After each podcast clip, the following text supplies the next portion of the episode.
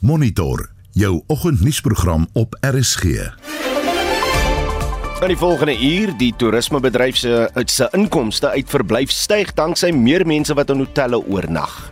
Die ouditeur-generaal het die regering se stadige reaksie op die oorstromings in April skerp gekritiseer. We found specifically in the Eastern Cape that there was limited response within the province in terms of ensuring that the initiatives that were needed were actually rolled out. Swak munisipale dienslewering is in die kollig by 'n konferensie van die Menseregte Kommissie en soos jy net in die nuus gehoor het, veeboere eis vergoeding vir hul verliese weens die verbod op die verskywing van beeste. As die regering weet waar hierdie bekkenklou vanaf kom, moet hulle by daai plek gaan of in 'n plaas of in 'n voerkraal, kwarantyne, daai beeste. Daar kom my monitor onder redaksie van Jan Estreisen, die produksieregisseur vanoggend is Johan Pieterse en ek is Udo Karelse.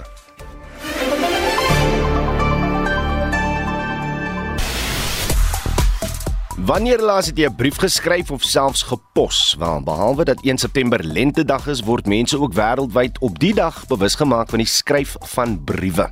Kommunikeer jy deesdae net elektronies of skryf jy uh, af en toe wel 'n brief en wie van julle het destyds 'n uh, penmaats gehad? Laat weet ons of jy nog kontak het met hulle of het jy selfs van die briewe gebeere. Deel jou mening deur 'n SMS te stuur na 45889 teen R1.50 per boodskap of praat saam op die Monitor en Spectrum Facebookblad.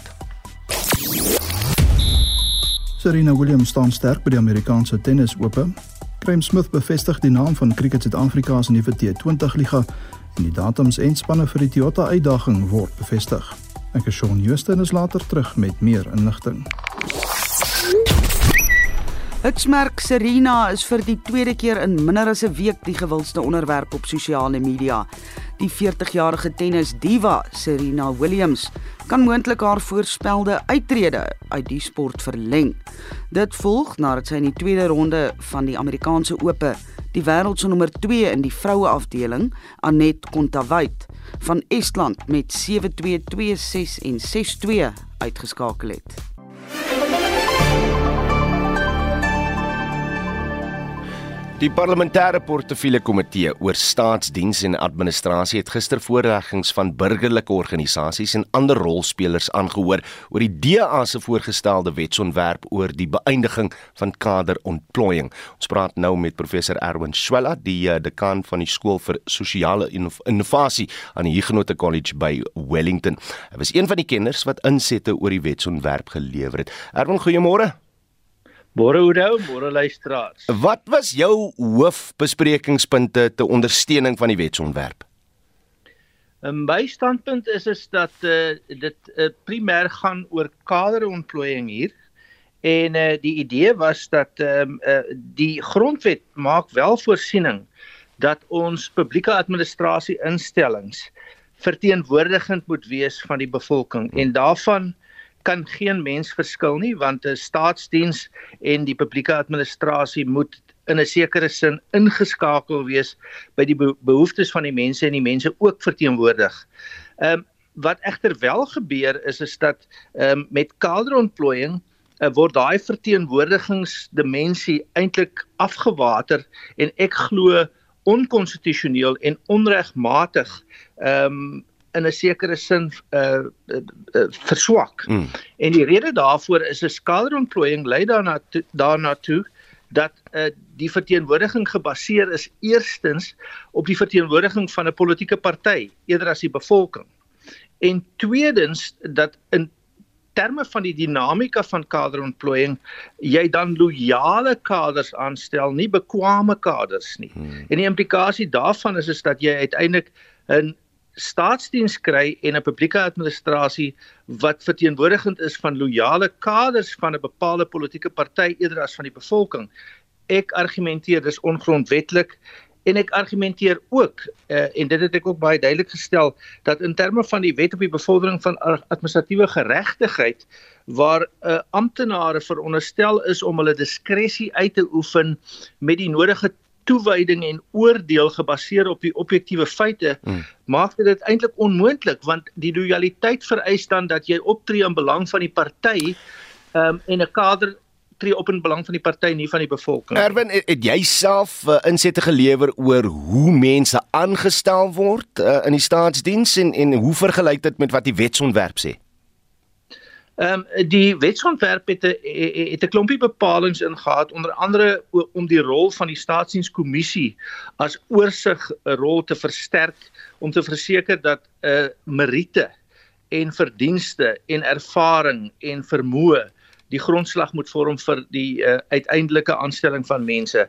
Daar was goeie insette oor prosesse om hierdie aanstellingsprosesse te verbeter. Hmm. My uh, betrokke insette het ook gesê Eintlik is die wette alreeds sterk genoeg, maar soos in soveel gevalle en waarskynlik ook as gevolg van kaderontplooiing en die loyale optrede van kaders, is hierdie wette nie behoorlik geïmplementeer nie.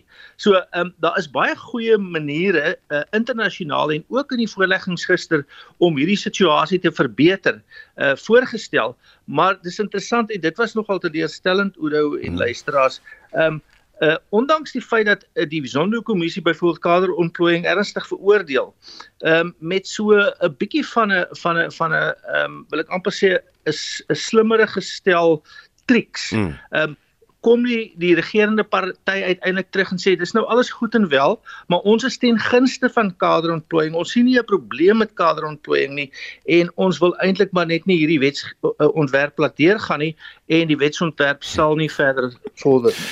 Ek ek ek ek, ek, ek nou net gesit en dink en, en ek kan seker maar net raai dat dat hierdie uh, argument wat gemaak word deur die ANC 'n uh, seker die hooftema aan aanraak dat hoe verhoed mens deur wetgewing dat 'n politikus 'n staatsamptenaar word? Ons almal het tog politieke menings of hoe?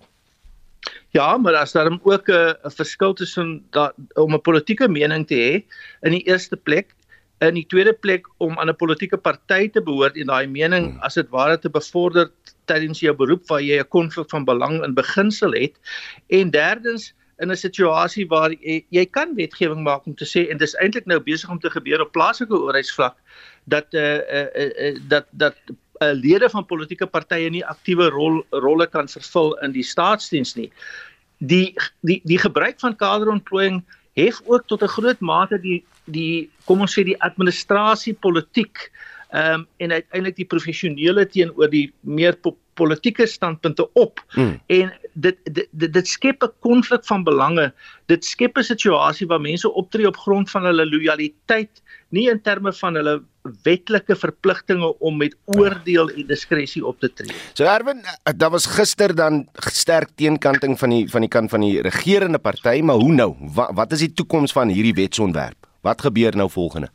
Wel die betrokke wetsontwerp gaan nou nie uh, die komitee het nie die uh, wetsontwerp se uh, voortsetting uh, dit wil sê voorlegging uiteindelik aan die parlement uh, goedgekeur nie. So dis afgekeur. Dit is eintlik die einde van hierdie wetsontwerp. Dis egter nie die einde van die probleem hmm. of die einde van pogings om die probleem op te los nie. Ons sal verdere ontledings doen. Daar moet meer aksie kom en ons moet ons aktivisme gebruik. Kaderontplooiing, ehm um, die Zondo-kommissie maak dit baie duidelik dat dit waarskynlik ten grondslag lê van staatskaping maar desondanks is die is die uh, regerende party die ANC nog teen gunste daarvan. Ehm um, die president het hom ook al teen gunste daarvan uitgespreek en dis uiters teleurstellend want dit is dink ek prima facie ongrondwetlik, um, onwettig en onregmatig. En dit was professor Erwin Schweller, die dekaan van die skool vir sosiale innovasie aan die Huguenot College op Wellington. Die dood van die voormalige Russiese leier, die 91-jarige Mikhail Gorbachev, het die huldeblyke laat instroom. Sy landsgenote is egter minder seker oor sy politieke bydrae. Vir die Weste was hy die man wat die Kremlin se deure in 1995 oopgestoot het, boonop op die relatief jeugtige ouderdom van 54. Terme perestroika en glasnost, oftewel openheid, het danksy Gorbachev huishoudelike terme in die Weste geword. Anita Visser het met die politieke wetenskaplike Roland Henwood van die Universiteit van Pretoria gepraat oor sy nalatenskap. Ja, ongetwyfeld. Hy was 'n totale ander tipe leier as wat die Sowjetunie gewoond geraak het en opgelewer het. Die interessante is dat hy die goedkeuring van die ou garde leiers soos Yuri Andropov wat hom identifiseer en hom eintlik opgelei het om 'n opvolger te wees, dat hy hulle oog gevang het en hulle goedkeuring weggedraai het. Maar totaal onkonvensioneel, byvoorbeeld geen militêre agtergrond gehad nie, het nie 'n belangstelling gehad in die militêr nie, wou niks van kernwapens weet nie en het begin om kernwapens basies tot nie te maak in die Sowjetunie. So hy was heeltemal iets anders. Hy was ook 'n beleese president, maar nie die tipe boeke wat in die verlede die handboeke van leiers gesien is nie. Baie in die filosofie en ook westerse outeurs gelees en dan ook van oppositie mense wat anti die Sowjetunie was se boeke gelees. Hmm. En dit het hom natuurlik heeltemal 'n ander soortige denkende leier gemaak. En ook baie charme gehad. Ek onthou dat Margaret Thatcher gesê het uh, he's a man I can do business with. Ja, hy het 'n baie goeie indruk gemaak op al die leiers in die westerse wêreld. Ronald Reagan het aanklank gevind by hom, Margaret Thatcher het aanklank gevind by hom en so het 'n hele klomp ander leiers ook George Bush senior wat aanvanklik nie hom vertrou het nie wat ook later baie goed met hom oor die weg gekom het en 'n baie goeie verhouding met hom ontwikkel het. As mens nou kyk na die huldeblyke Antonio Guterres wat hom beskryf as 'n eie soortige staatsman, 'n towering global leader, Biden beskryf hom ook as unieke woord wat aanpas by eie soortig en hy sê dan ook hy was rar en Kissinger het hom geloof. Ja, en ek dink dit dui ook vir 'n mens een van die punte van kritiek teen hom aan. Hy was baie gewild en hoog aangeskrewe in die westerse wêreld omdat hy die harde, die ongenaakbare totalitarisme van die Sowjetunie tot niet gemaak het en die Sowjetunie as 'n bedreiging eintlik verwyder het vir die westerse wêreld.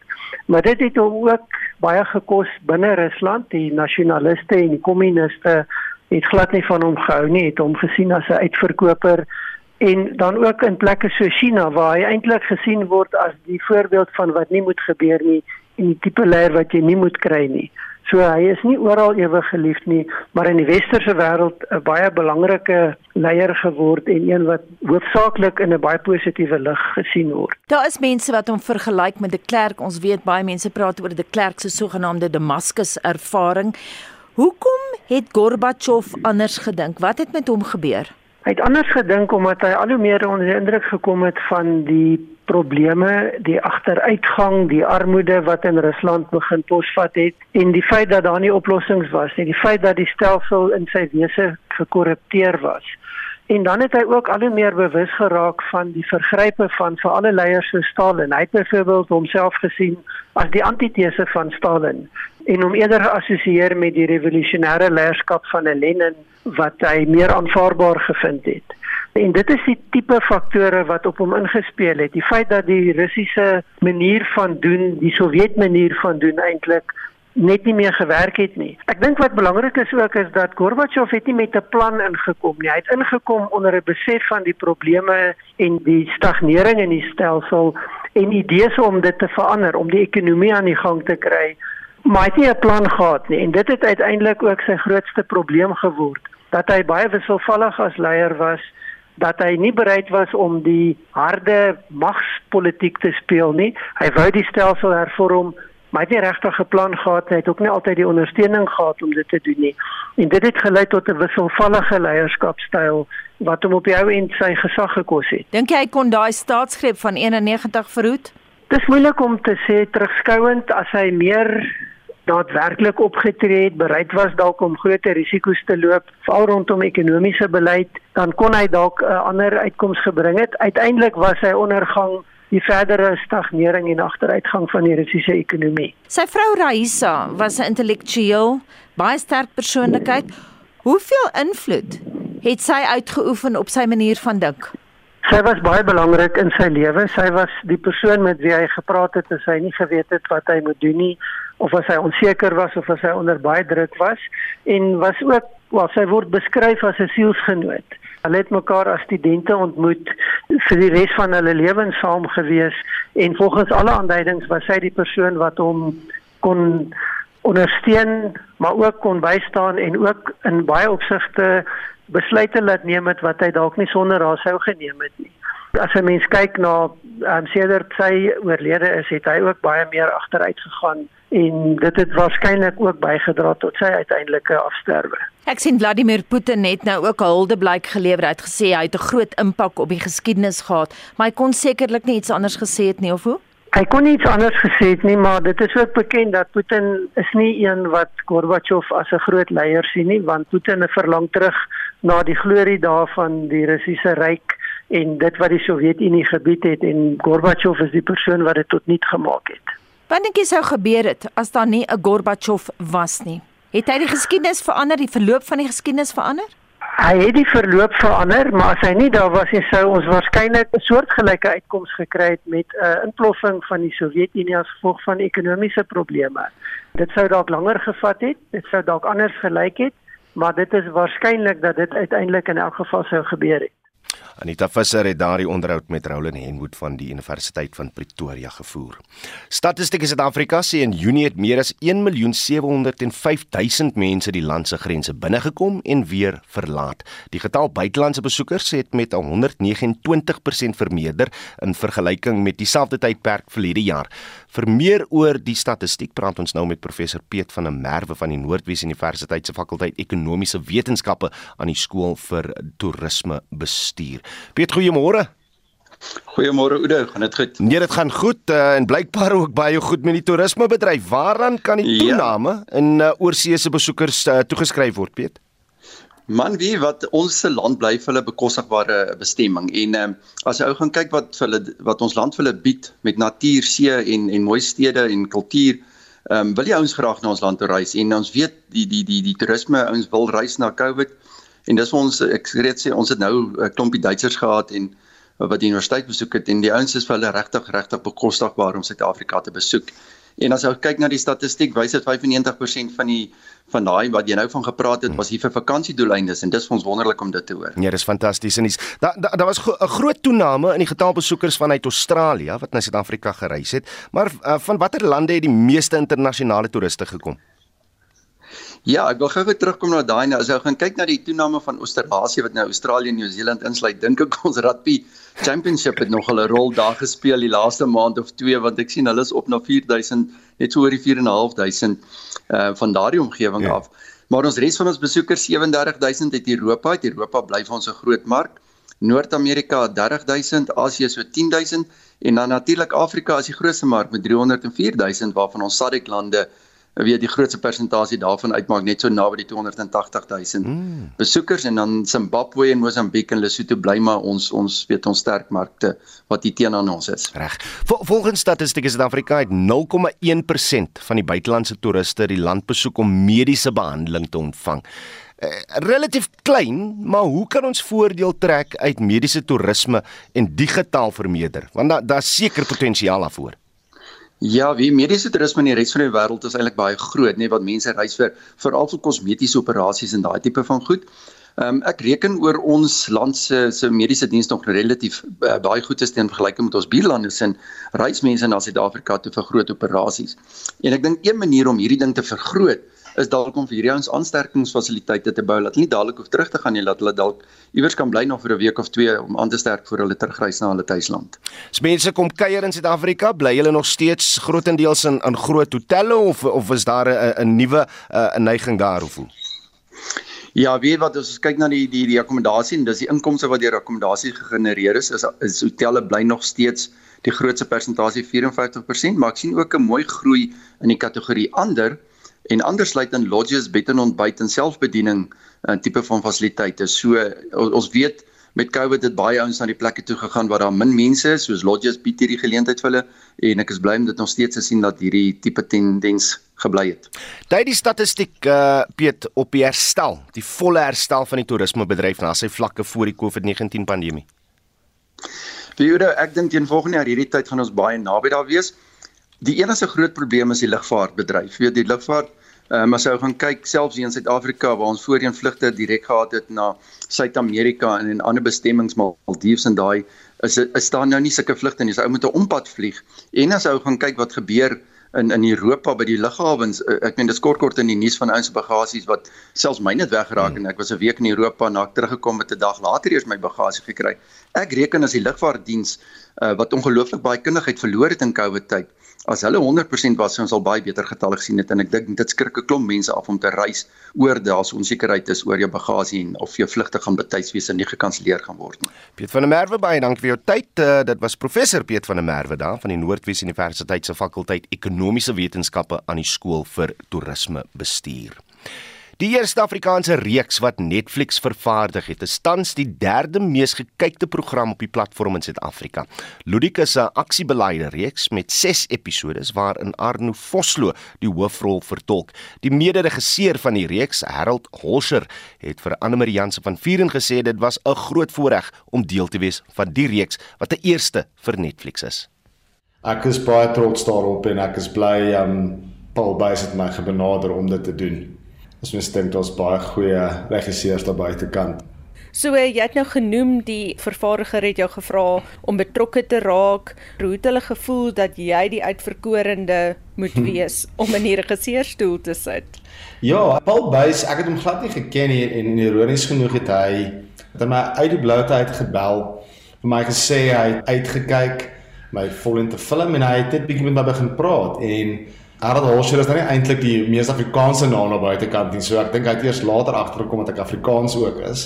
En ons is beide van Pretoria af waar Ludik afspeel en ek ken Pretoria baie goed en ek ken die Afrikaanse ek het maar groot geword in Afrikaans, jy weet. So toe ons rukkie met mekaar begin praat het, toe sê hy soos van okay nee, ek ek het my man. Ian Gabriel was die ander regisseur, baie gesogte regisseur in Suid-Afrikaanse filmbedryf. So dit was hoe kan ek sê, ek was 'n bietjie skrikkerig Ek moes my sokkies optrek, maar alles het baie goed uitgewerk aan die einde. Hierdie naweek het die reeks nou vir die eerste keer begin wys op Netflix. Ja. Wat was van die terugvoer wat jy sover gekry het by van die mense wat gekyk het? Ons wens dat net so vir al die luisteraars daar buite kan asseblief kyk al die episode. Dit is baie belangrik dat jy al 6 episode moet kyk want die karakterontwikkeling en alles wat gebeur vat 'n rukkie om in die wêreld in te kom omdat dit so 'n unieke wêreld is wat ons skep en omdat dit ons baie groot Afrikaanse ridder is in 'n unieke wêreld wat nog nooit gewys is op Netflix nie.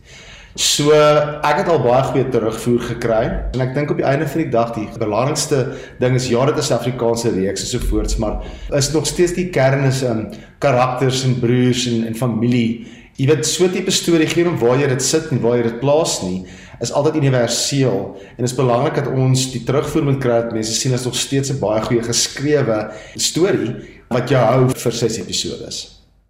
Sover ek weet word dit nie net in Suid-Afrika versprei deur Netflix nie, maar ook oor see. So wat dink jy sê dit van een die Afrikaanse teikenmark of twee dat buitelandse gehore dalk dit sal geniet om na 'n uh, meerendeels Afrikaanse reeks te kyk? Ja, ek dink Netflix wil altyd baie kultureel spesifiek wees met die dele van die wêreld waar hulle uitkom. So wat lekker is van hierdie Afrikaans ehm um, reeks is dat hulle eintlik gesien dat daar's baie universele temas binnekant Bloediek. Hulle was baie geïnteresseerd om te sien hoe dit doen oor see ook. So dit wys net dat hulle geïnteresseerd is nou dit nou oopgemaak in Afrikaanse kultuur omdat dit so uniek Afrikaans is is ons baie gesien om te sien watter lande dit gedoen het. Ek dink dit word vrygestel oor die 200 lande of so tipe ietsie um, ongelooflik. So dit is regtig vir ons almal 'n um, nuwe reistog om te kyk wat gebeur daar buitekant. En dit was Harold Holscher, eh, die mede-regisseur van die reeks Ludik en hy het daar met ons Anne Marie Jansen van Vuren gepraat. Jy luister na Monitor. Elke weekoggend tussen 6 en 7. 6:30 in die nuus. Die spreker van die Johannesburgse Metro, Vasco da Gama, is uit sy amp verwyder na 'n mosie van wantroue. Die departement van landbou is glo nie van plan om die verbod op die vervoer uh, vervoer van gesplete hoofdiere te verleng nie. En president Cyril Ramaphosa sal vandag die hooftoespraak by die Menseregte Kommissie se konferensie oor die stand van munisipaliteite lewer. Bly ingeskakel hier op RSG.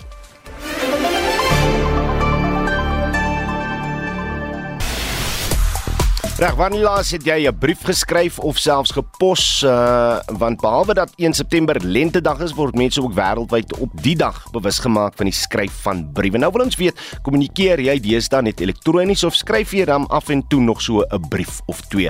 Uh nou, as ons kyk na wat op Facebook gesê is, Cecilia Massyn sê ek het penmaats gehad, lankal nie meer nie.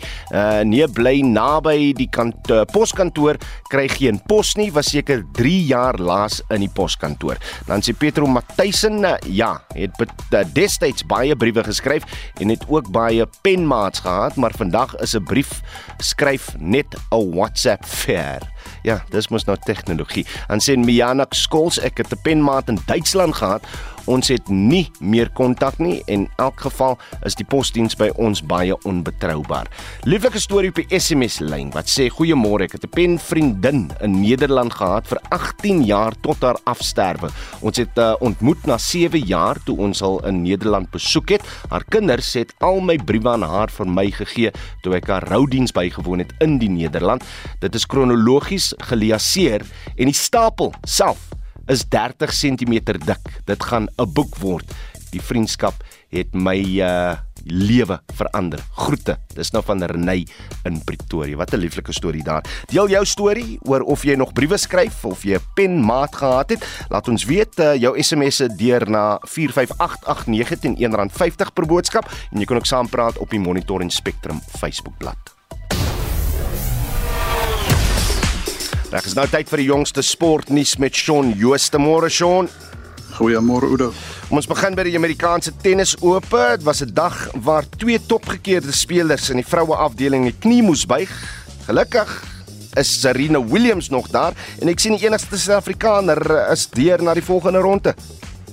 Ja, kom ons begin met die mans dubbelspel afdeling Suid-Afrika se Ryan Klassen en Marcelo Melo van Brasilië het hulle eerste ronde wedstryd teen Maximo Gonzalez van Argentinië en Tomislav Berkic van Bosnië-Hertsegovina met 6-7, 7-6 en 6-1 gewen. En dan oor in die vroue afdeling die tweede gekeerde Anet Kontovic van Estland is vanoggend deur die Amerikaanse legende Serena Williams uitgeskakel. Die telling 7-6, 2-6 en 6-2. En die derde gekeerde Maria Sakkari van Griekeland verloor ook 3-6, 7-5 en 7-5 deur China se Zhou Wang. Reg, as ons kyk na wat in cricket gebeur het gister, hy's eintlik 'n lekker naam. SA20, waarvan praat ons?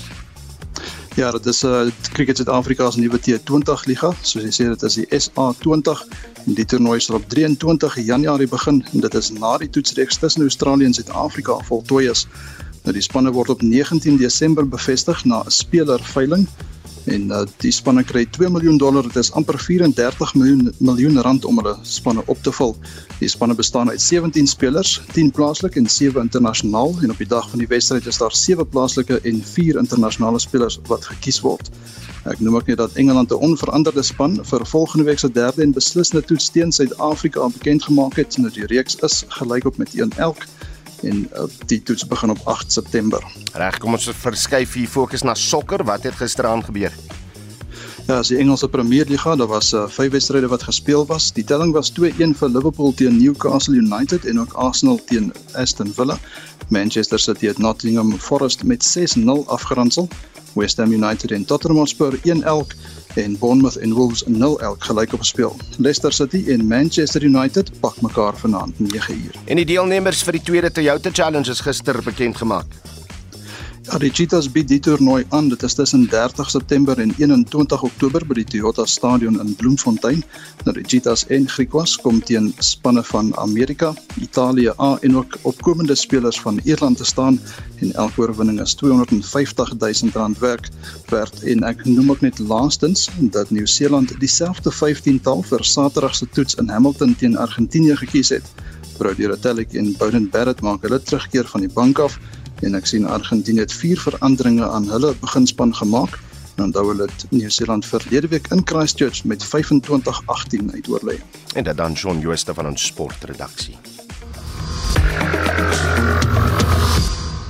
Boere wat vir met gesplete hoewe eis dat hulle vergoed word vir hulle verliese wat volg op die verbod op verskywing van die diere weens die uitbreking van back and closure. Dit terwyl gevalle van die siekte steeds toeneem. Lizetla beskag nie berig. Ten spyte van die algehele verbod op die vervoer en verkoop van diere met gesplete hoewe, word daar steeds al hoe meer gevalle van back and closure in verskeie provinsies aangemeld. Dit het 'n ernstige negatiewe impak op die mark. Voor die verbod was veilingskrale 'n gewilde bymekaarkom plek vir beide kopers en verkopers. Nou word daar net 'n paar hoenders, skape en varke verkoop. Noordwes afslaer Steinman Kutse sê hulle gaan nou die hof om vergoeding nader. Die goed is dat ons gaan aksie neem teen die mense wat hierdie aankope so onverantwoordelik gaan doen het nadat ons soos ek al reeds gesê het hulle baie mooi gevra het om die goed deur geregistreerde agente en deur die stelsels te koop. So hulle onverantwoordelikheid kos ons geld. Ons is die ouens wat die spit afbyt op die ouene van die dag deur dit wat hulle nie aangehoor wou gee nie. So ons het 'n 'n prokureur wat op hierdie stadium besig is om daaraan te werk om vergoeding te vra vir die skades wat gelei word aan die boere, veilinghuise, almal in hierdie rooi vleisketting wat skade ly, kan 'n deel kry uit hierdie claim wat ons maak. Volgens plaaslike boere is dit hulle wat nou die ergste geraak word en hulle kry geen ondersteuning van die regering nie. Die regering het nie met die boere gepraat nie. Hulle het net besluit. En as jy hulle kan vra, waar lê hy siekte? In watter plek is hulle? Hulle twyfel, hulle kan nie hulle stoor. Want ons het gedink hulle sal by ons plase kom en die beeste toets en sê vir ons wat moet ons doen en so aan. As die regering weet waar hierdie bekkenklo vanaf kom, moet hulle by daai plek gaan of in 'n plaas of in 'n voerkraal kwarantyne daai beeste laat hulle nie saam met die ander mense se beeste kan bymekaar kom nie. Nie te hulle moet vir almal toemaak. Volgens Dewald Olivier van die Suid-Afrikaanse Voerkraalvereniging moet die huidige uitbreking van back and closure nie voor hulle deur gelê word nie. Ek is ook nie bewus daarvan dat enige van die voerkrale op 'n roekelose of sodanige wyse die diere enigstens anders verskuif nie en dat daar baie streng biosekuriteitsmaatreëls voorgehou word. Die lede van die Suid-Afrikaanse Voerkraalvereniging volg 'n baie streng en internasionaal erkende goeie bestuurspraktyk kode binne hulle voerkrale wat op 'n baie hoë standaard opereer. Die departement van landbou het aangedui dat 11 nuwe gevalle van die siekte in die periode 18 tot 22 Augustus aangemeld is, wat die aantal gevalle in die land op 127 te staan bring. Die departement sê verder, hulle het reeds strafregtelike klagte gelê teen diegene wat die siekte in die Noordwes en Vrystaat versprei het.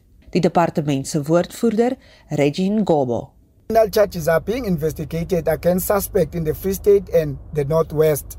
The current outbreak is happening at feedlots, not communal areas, and had feedlots and commercial farms observe basic biosecurity law, we won't be experiencing this unprecedented outbreak.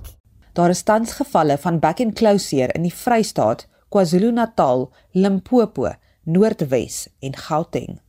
Ek is Lisetta Beskagni in Lichtenburg. Die ouditeur-generaal Tsakani Maluleke het die regering gekritiseer vir hul stadige reaksie op die oorstromings in April vanjaar. Volgens Maluleke was die regering se optrede veral onvoldoende in die Oos-Kaap waar die provinsie steeds sukkel om van rampe in 2013 te herstel. Sy sê beleggings in die Oos-Kaap se rampbestuur is dringend nodig. Anne Marie Jansen van Vurenburg 'n Multidissiplinêre span het die ouditeur-generaal se verslag saamgestel. Dit bestaan uit forensiese en data-ontledings. Maluleke sê die regering se rampbestuurspogings in KwaZulu-Natal en dele van die Oos-Kaap was heeltemal onvoldoende. their own expectation on how far they would have got by the end of July, there was still a significant disparity. So even by their own plans, government institutions were not able to effectively and quickly roll out these key initiatives. So we've got to figure out how we build institutional capability so that responsiveness becomes part of the system. Volgens haar verslag kon meer as 80% van die inwoners wat deur die oorstromings geraak is, nie eers toegang tot skoon drinkwater kry nie. Die sowat 200 watertanks van die eThekwini Metro in Durban was of stikkend of besig om herstel te word. Maluleke sê die metro en die provinsiale regering in KwaZulu-Natal het ook nie behoorlik saamgewerk in hierdie tyd nie.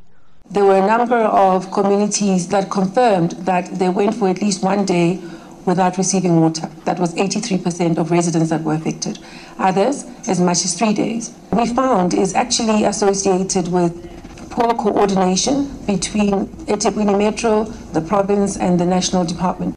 Die ouditeur-generaal was wel vol lof vir die Agentskap vir Maatskaplike Sekuriteit, SASSA, se reaksie op die ramp.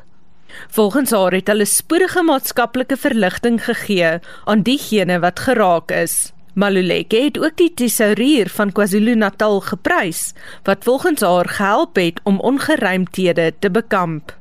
Because they've implemented the key controls that were necessary, we did not find too many invalid payments. When there is responsiveness on the part of those that run public institutions, you do get a gradual strengthening of controls because now you've got fewer instances of invalid payments and you've still got delivery and delivery that's happening on time. Maluleke se kantoor se verslag volg op 'n aankondiging vroeër vanjaar deur president Cyril Ramaphosa. Hy het toegesê dat rampsbestuurbefondsing van nader gemonitor moet word om korrupsie te vermy. Die verslag van Amina Akram in Johannesburg en ek is Anne Marie Jansen van Vuren vir SAK nuus. Die Suid-Afrikaanse Menseregte Kommissie hou 'n nasionale konferensie oor verantwoordbaarheid, dienslewering en menseregte op plaaslike regeringsvlak. Daar word ook gefokus op die stand van munisipale bestuur en die uitdagings wat munisipaliteite ervaar. Vir meer hieroor praat ons nou met Dr. Halen Kloete, 'n navorsingsgenoot van die Departement Openbare Administrasie en Bestuur aan die Universiteit van die Vrystaat. Halen, goeiemôre. Goeiemôre Oudo en goeiemôre aan die luisteraars. Wat is volgens jou tans die grootste uitdagings om die bestuur van munisipaliteite te, te verbeter al het? Ek dink jy weet jy soos jy reg sê, daar's verslag na verslag uh, en in die vorige verslag het ons ook gehoor van hoe uh, munisipaliteite bestuur word. Die grootste uitdaging bly die implementering van beleid en die koördinering tussen die verskillende sfere van regering. Hmm. Maar die grootste een is is is die aanspreekbaarheid en die implementering. Jy weet ons het die beste beleide in hierdie land. Maar wanneer dit kom by implementering, is daar die groot uitdaging. Is daar politieke wil om die bestuur te verbeter? Man, ek was gister baie beïndruk met die met die adjunk minister in die presidentskap was hier, uh, Pinky Kekana.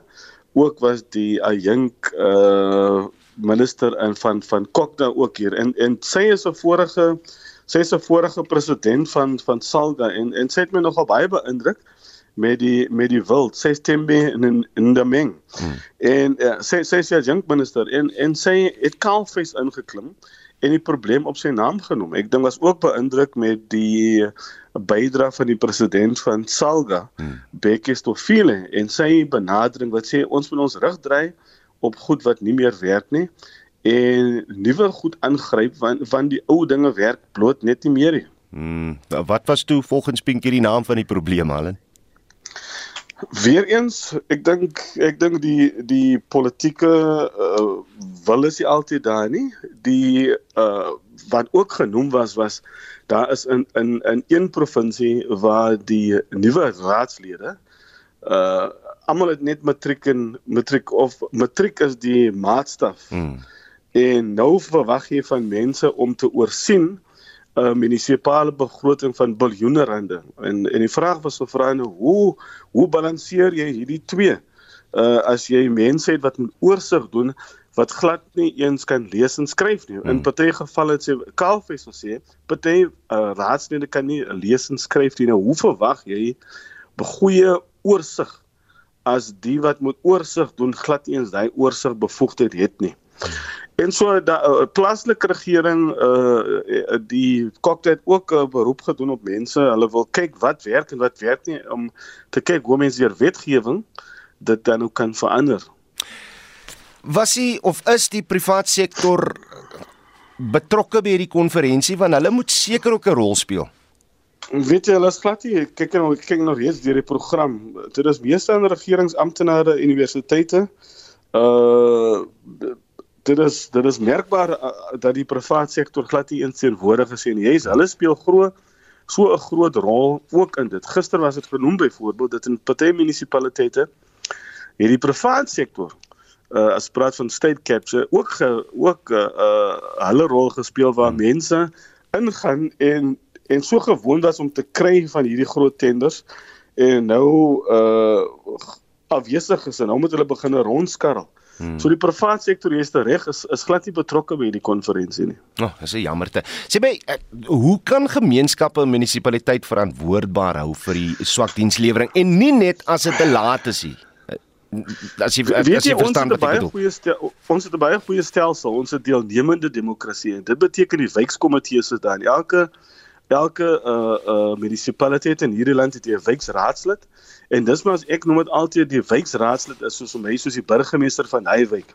En daardie wijkraadslid word ondersteun deur 'n wijkkomitee wat onpartydig is en en en help om te kyk en dis gewoonlik opgemaak het jou sektore uit van sport tot uh, geloof tot uh, jeug uh en kultuur en hierdie wijkkomitees veronderstel om die hande en die voete te wees van ons deelnemende demokrasie. Hmm. Of hy werk uh ek daar is min gevalle in die land waar hierdie wijkkomitees aktief werk. As daar is uh weet ek in die Ouwerstrand het ek verlede jaar het ek 'n potgooi gedoen oor die Ouwerstrand module van wijkkomitee hmm. en daar en daar is dit elke maand kom hulle bymekaar. Hulle hulle sit goed op die agenda, plas goed op die agenda en dit werk. Dit dis die een plek waar ek dit nou gesien het of gehoor het dat dit dat dit wel werk. Daar's 'n persoon daar, Roderick Williams wat julle gerus mee kan gesels oor wijkkomitees en hoe dit werk. Absoluut. Ehm um, ons gaan dit daar los, maar ons sal definitief 'n uitnodiging aanvaar en saam met hom gesels. Dit was Dr. Helen Kloete, 'n navorsingsgenoot van die Departement Openbare Administrasie en Bestuur aan die Universiteit van die Vrystaat. Nou regskenners sê dis moontlik dat daar op van oud-president Jacob Zuma se pensioenvoordele beslag gelê kan word nadat die Pietermaritzburg se Hooggeregshof 'n semiere vonnis aan die kurator van WPS Bank toegestaan het. Dit is om 'n bedrag van 6,5 miljoen rand plus rente op 'n agterstallige lening te verhaal. Dries Liebenberg berig. Die kurator se woordvoerder, Louise Brugman, sê die semiere vonnis was onmiddellik van krag en hulle wag net vir 'n getekende afskrif van die bevel voordat hulle 'n lasbrief begin opstel sodat die baljie op van Zuma se bates beslag kan lê. Die eiendom waarop Zuma se woning in Nkandla gebou is, word nie deur die bevel geraak nie. 'n Regskenner van die Universiteit van Pretoria, professor Llewellyn Kaluus, sê Zuma kan 'n hofaansoek indien om die Semire vonnis tersyde te stel. As dit by die uitvoering van die bevel kom, verduidelik Kloos dis moontlik dat die kurator selfs op van Zuma se pensioenvoordele kan beslag lê. Die lang en die kort daarvan is 'n kurator krediteer kan op enige beslagbare bates beslag lê. En dit is gewoonlik begin dit by onroerende eiendom. As daar nie voldoende onroerende eiendom is nie of geen onroerende eiendom nie, dan natuurlik op roerende bates. En tot die mate wat daar nie roerende bates is nie op enige ander beslagbare bate wat finansiëel natuurlik omskep kan word ten gunste van die krediteure. Dit kan 'n pensioenbelang natuurlik insluit in sekere gevalle.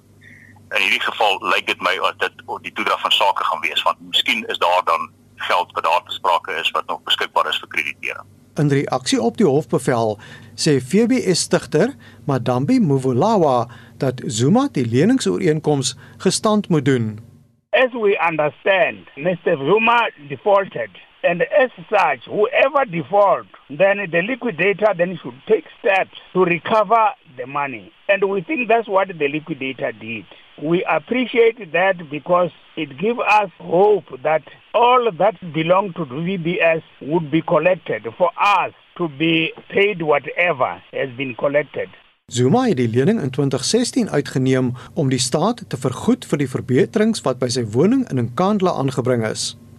Dit was nadat die destydse openbare beskermer, advokaat Tuli Madonsela, bevind het dat van die 246 miljoen rand se verbeterings in 2011 nie veiligheidsverwant is nie. Dit sluit die sogenaamde brandpoel, beeskraal en hoenderhokke in. 'n Politieke ontleder, Ralph Matega, sê die oud-president se sorge neem net toe.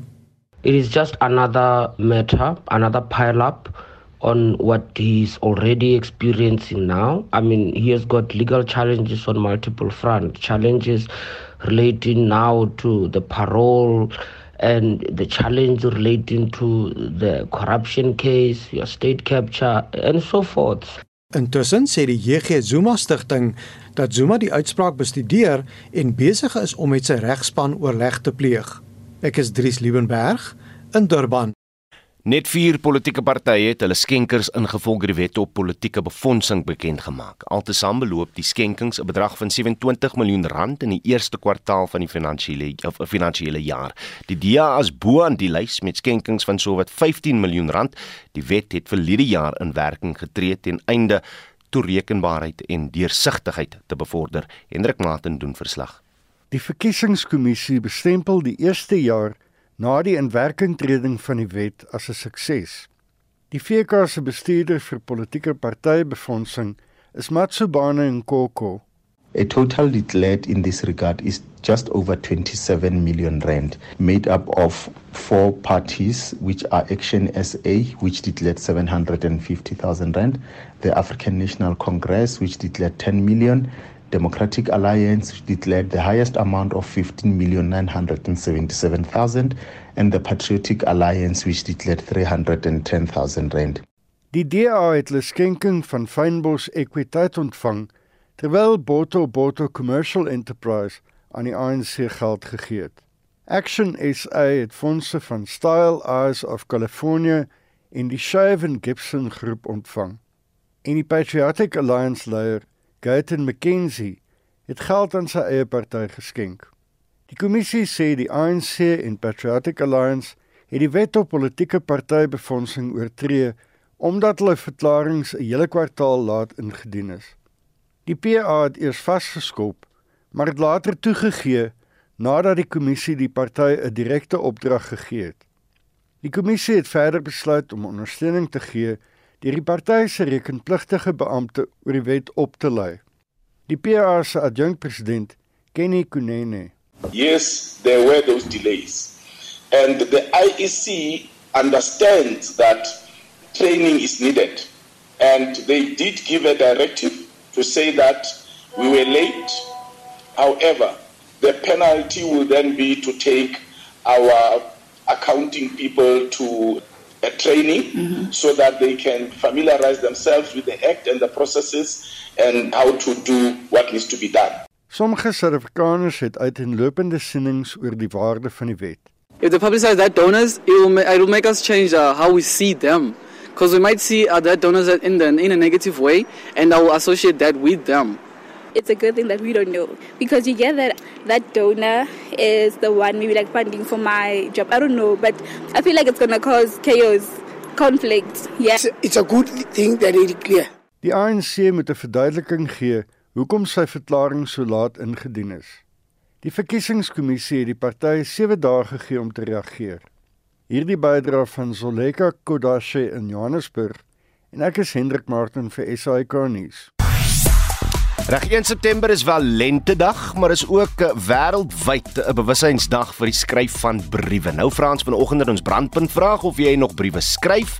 Het jy 'n geskiedenis van briewe skryf? Het jy 'n penmaat gehad en kommunikeer jy nog? Bære jy jou briewe?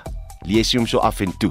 Laat weet ons hoe jy daaroor voel. Nou Amanda Steyn sê ek stuur elke keer wat ek met vakansie gaan een of twee poskaarte met 'n boodskap oor die omgewing aan 'n vriendin in China en sy doen dieselfde baie min van die poskaarte kom by ons uit. Thea sê briewe kom by hulle kom nie by hulle adres uit nie, so ek het maar opgehou skryf. Ek mis dit geweldig. Dan sê Gideon Erasmus, ek was baie lief vir briewe skryf as ook briewe ontvang. Ongelukkig het Suid-Afrika se posdiens asook elektroniese media gemaak dat daar nie meer geskryf word nie. Ek het nooit enige brief wat ontvang is weggegooi nie en ek het alle briewe in hul koeverte mooi bewaar. Dan sê Alrida Kronje genade jare lank 'n brief geskryf, het penmaats op skool gehad, selfs na skool toe ek gestudeer het en 'n paar jaar na ek begin werk het. Stuur tog van julle boodskappe, julle SMS'e deur na 45889 teen R1.50 per boodskap en jy kan ook saampraat op die Monitor en Spectrum Facebookblad. Hoe verfrissend op sosiale media het die hitsmerk Happy Spring tot bo aan die lys van gewilde onderwerpe gevorder. Happy Spring het dit so so Serena Cope, Lakota Nigerians en Terror verbygesteek. Onder die hitsmerk word die mooiste lentedag foto's, bloeisels, grappies, prettige video's en gelukwensings vir die nuwe seisoen gedeel. Op een van die video's kan jy twee dansende veiligheidswagte sien. Die hitsmerk is die ene pret. Onthou vorige uitsendings van ons program is as potgooi beskikbaar op RSG se webblad gaan net na www.rsg.co.za om dit daar te vind. Dan groet ons namens ons uitvoerende regisseur Nicoline de Wet, die redakteur vanoggend is Jean Esterhuizen, ons produksieregisseur is Johan Pieterse en ek is Oudo Karelse. Ja, lieflike lentedag vir julle almal. Môre weer terug. Totsiens.